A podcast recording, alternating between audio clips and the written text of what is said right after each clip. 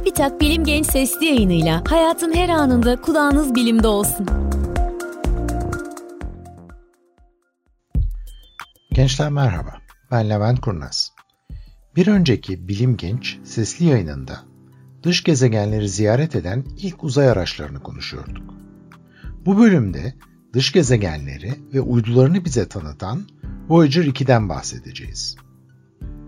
Dış gezegenleri ziyaret eden uzay araçlarını anlattığımız bölümü, arkasından gelen uzay araçlarına yol açan Pioneer 11 ile bitirmiştik. Pioneer 11 ve arkasından gelen Voyager 1, Jüpiter ve Satürn'ü ziyaret ettikten sonra yıldızlar arası uzay boşluğuna doğru yollarına devam ettiler. Ancak bu iki uzay aracının bize verdiği en önemli bilgi, dış gezegenlerin uydularının kendilerinden daha ilginç olabileceğiydi. Unutmayalım, hedefimiz dış gezegenler ya da iç gezegenler olsun, aklımızda her zaman orada yaşam var mı sorusu vardır. Bu soruya kesin cevap aramak için Mars'ı inceleyip duruyoruz ve anlaşıldığı kadarıyla yaşamın izlerini bulmak şimdiye kadar pek mümkün olmadı. O zaman ikinci soruya geçiyoruz. Oraya gidecek olsak yaşayabilir miyiz? Pioneer 11 ve Voyager 1 dış gezegenlerin insan yaşamına uygun olmadığını, hatta yörüngelerinde kurulacak bir uzay istasyonunun bile bu gezegenlerin manyetik alanlarından zarar görebileceğini ortaya koydu. Ama bu gezegenlerin çok ilginç özelliklere sahip uyduları vardı. Voyager 2'nin en önemli görevi de bu uyduları incelemek.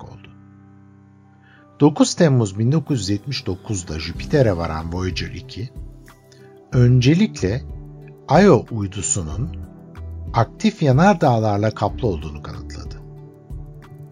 Jüpiter sistemi içerisinde geçirdiği yaklaşık bir buçuk günde Io üzerinde 9 tane yanardağ keşfetti.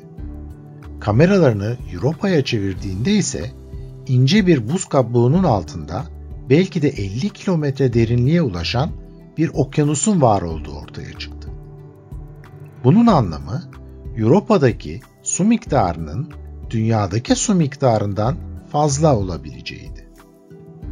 Voyager 2, Jüpiter'in en büyük iki uydusu olan Ganymede ve Callisto'nun da ayrıntılı resimlerini bize gönderdikten sonra Satürn'e doğru yoluna devam etti. Jüpiter'den hız kazanmasına rağmen Voyager 2'nin Satürn'e varması 2 yıldan fazla sürdü. Satürn'ün çok daha geniş alana yayılan uydularının arasından geçip gitmesi 13 gün aldı. Bu süre içerisinde birçok yeni uydu keşfetti ve uyduların fotoğraflarını çekti. Yalnız NASA'nın bu noktada bir karar vermesi gerekiyordu. Satürn'ün en çok merak edilen uydusu Titan'ın yakınından geçecek olursa Uranüs ve Neptün'e ulaşması imkansız olacağından Voyager 1 Satürn sisteminde Titan'a yaklaşarak veri topladı ama sonunda da yörüngesi onu Güneş sisteminin dışına taşıdı. Satürn'den hız kazanan Voyager 2 ise Uranüs'e doğru yoluna devam ederek Uranüs'e 24 Ocak 1985'te ulaştı.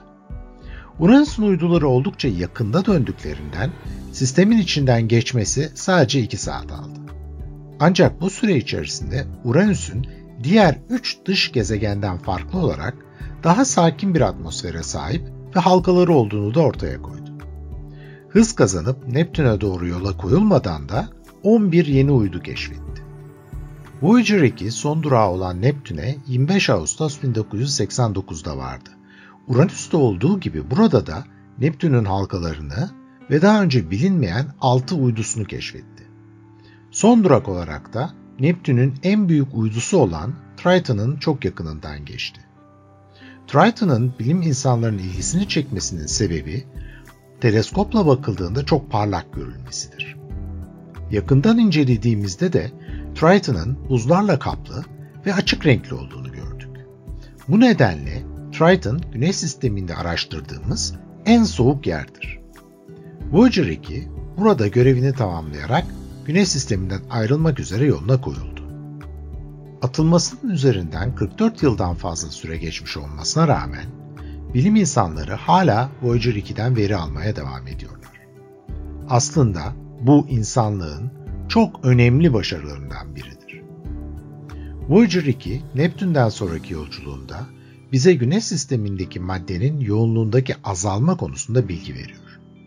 Ancak önümüzdeki 5 ila 7 sene içerisinde pilinin artık dünyaya veri göndermeye yetmeyecek kadar zayıflayacağı düşünülüyor. Voyager 2 yoluna böyle devam edecek olursa yaklaşık 296 bin sene sonra Sirius yıldızının yakınına varmış olacak. Bir sonraki sesli yayınımızda dış gezegenleri ziyaret eden diğer araştırma sondalarının çalışmalarından bahsetmek üzere. Hoşçakalın.